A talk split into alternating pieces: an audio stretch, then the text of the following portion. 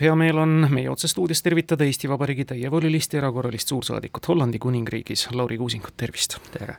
Lauri Kuusing on kogenud Eesti diplomaat, olnud Eesti välisteenistuses ligemale kakskümmend aastat, diplomaatilisel tööl Eesti saatkonnas Moskvas, Eesti esinduses NATO juures, olnud ka president Kersti Kaljulaidi välispoliitika nõunik, lisaks suursaadiku ametile Haagis on ta ka meie riigi alaline esindaja keemiarelvade keelustamise organisatsiooni juures ja vist ka suursaadik Luksemburgis. kõik õige, välja arvatud viimane osa, et Luksemburg selge. enam mitte. enam mitte. Lauri, läinud aasta novembris toimunud Hollandi üldvalimistel šokeerisid Euroopat üsna tõsiselt paremäärmuslase Gerd Wildersi, keda kutsutakse ka Hollandi Trumpiks ja tema juhitud Vabaduspartei ülekaalukas võit. kas Hollandi ühiskond ka nii-öelda raputatud sellest võidust sai?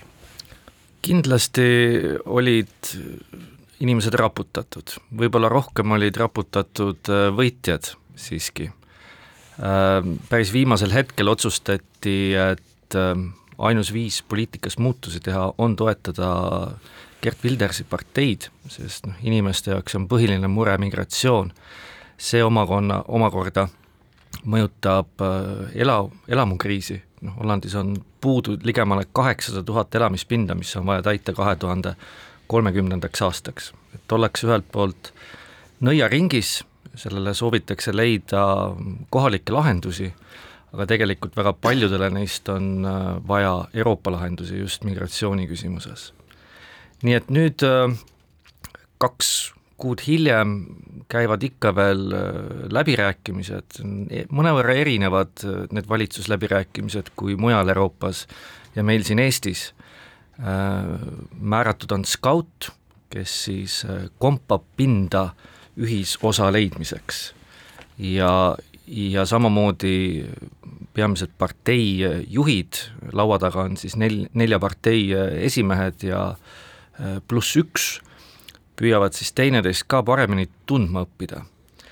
ja, ja noh, rahvas ikkagi tahab parempoolset valitsust, see on selge, kuuskümmend protsenti oli see hiljutine protsendimäär ja, ja tegelikult vaadatakse ka juba Euroopa Parlamendi valimiste poole, millest teil oli juttu eelmises intervjuus äh,, Holland saab seal äh, varasema kahekümne üheksa koha asemel kolmkümmend üks kohta ja Gert Wildersi partei võtaks sellest äh, ära kolmandiku.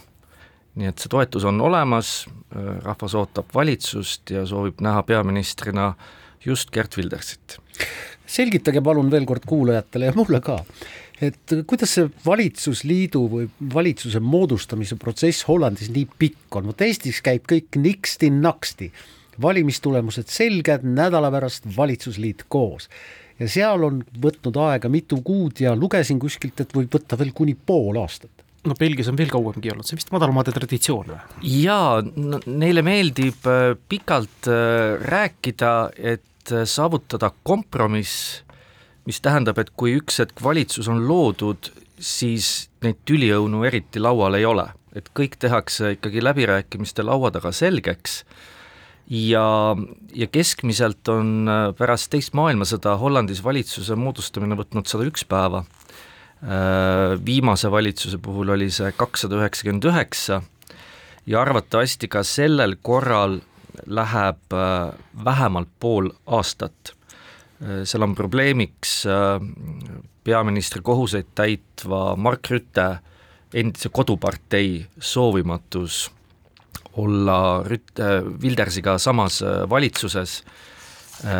Ja Hollandis on kaks koda, alamkoda ja, ja senat, ja senatis on siis Rütte, Rütte endine partei juba hääletanud Wildersi vastu nii et äh, seis on terav, äh, Hollandi valimiste puhul teine eripära on, et tõesti eetris on vaikus, mitte midagi ei kommenteerita, kuni lepingule on allkirjad pandud. Äh, sel korral on lood teisiti, Wilders on väga kõva säutsuja. Ähm, ja osa sellest telgitagustest on siis tulnud päevavalgele ja, ja väga palju on seal isiklikku, aga hollandlased tahtsid muutusi poliitikas ja nad on selle siis saanud ma just mõtlengi, et lisaks Rütele, kes võib-olla välistab, tema parteid juhib praegu Türgi päritolu Dylan Jesiglös, kes peaks olema siis Hollandi justiitsminister vist või no turvalisuse minister, ei kujuta ette ka, et väga populaarne eurovolinik, endine Franz Timmermans ja tema rohelised võib-olla mahuksid sama laua taha ära või mahuvad või? kindlasti mitte. see valimine oli tegelikult äh, parempoolse ja vasakpoolse leeri äh, vastandumisele äh, põhinev ja väga paljud äh, kõhklejad valisid viimasel hetkel Gerd Wildersi äh, Vabaduse parteid, kuna nad ei tahtnud näha valitsusjuhina Franz Timmermansi. Franz Timmermansi nähakse ikkagi väga palju äh, Euroopa Komisjoni endise volinikuna oli hollandlaste jaoks tõenäoliselt liiga Brüsseli inimene. Rutte koalitsioonivalitsus jah, lagunes eelmisel aastal paljuski just migrantide voolu ohjeldamise meetmete tõttu. Holland on väga liberaalne riik, aga tänagi oleme aru saanud, et asüülitaotlejate arv ja mi-, migrantide arv on Hollandis ikka tõsine teema ja tõsine probleem, rääkisite korteritest, aga äh, kust need migrandid sinna kõige rohkem tulevad, millistest riikidest?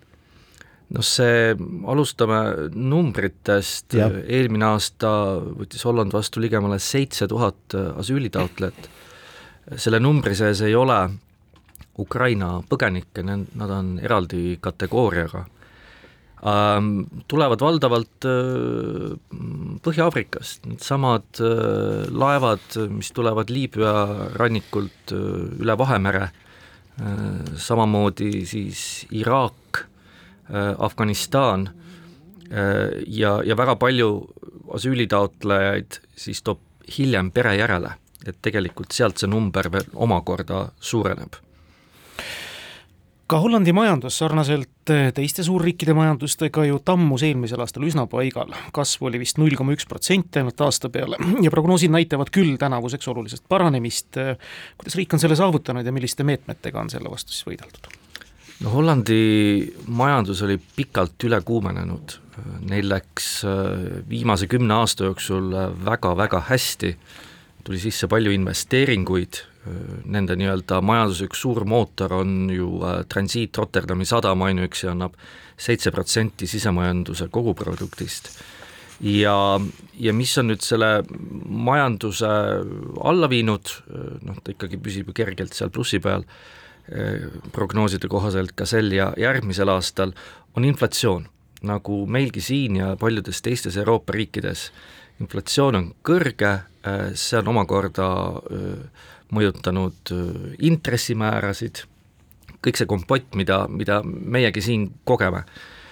Inimeste ostujõud on vähenenud, see on elamukriisi migratsiooni kõrval kolmas suur teema, mis hollandlasi puudutab ja ega sealt häid val-, väljavaateid ei ole, sest Holland avatud majandusena sõltub äh, kõigest sellest, mis äh, maailmas toimub. ka see, mis äh, on hetkel käimas Punasel merel ja takistused kaubavoogudele mõjutab väga otseselt Hollandi majandust. ja kasvamas on ka tööpuudus Holland on olnud väga tubli Ukraina toetaja, nende algatusel või nende toel sündis ka nõndanimetatud lennukikoalitsioon. kuidas on teile teadaolevalt Hollandi F kuusteist lennumasinate teekond Ukraina sõtta kulgenud? no Holland on teinud ikka väga suure pöörde kogu selle sõja kestel, kui sõja alguses nad äh, andsid äh, kiivreid, siis jah, nüüd on jõutud äh, F kuueteistkümneteni, neid antakse ära kuusteist ja need on asendatud siis äh, lennuväe pargis äh, uute F kolmekümne viitega, lennukid on juba Rumeenias ja väljaõpe toimub seal, Holland on olnud tõesti sõjaliselt üks suurimaid toetajaid Euroopas, nad on andnud kaks miljardit selleks aastaks nii-öelda lubadusena. Ja, ja samuti koos Eestiga aitavad piisavalt mürske tarnida äh, koos sakslastega ja, ja iseseisvalt ja seesama peaminister Kallase miljoni mürsu idee, mis äh, sündis aasta tagasi, et äh, Holland on seal meiega samas paadis. Muide, Wildersist alustasime, Wildersiga ka lõpetame, mis on siis Gerd Wildersi arvamine olnud Ukraina sõja kohta või suhete kohta Venemaaga, mida talle kindlasti tahetakse kõrvalt nii-öelda juurde määrida, aga see asi pole vist nii mustvalge? Ei ole tõesti, Wilders ei ole kindlasti otseselt venemeelne, kuigi talle püütakse seda silti kleepida.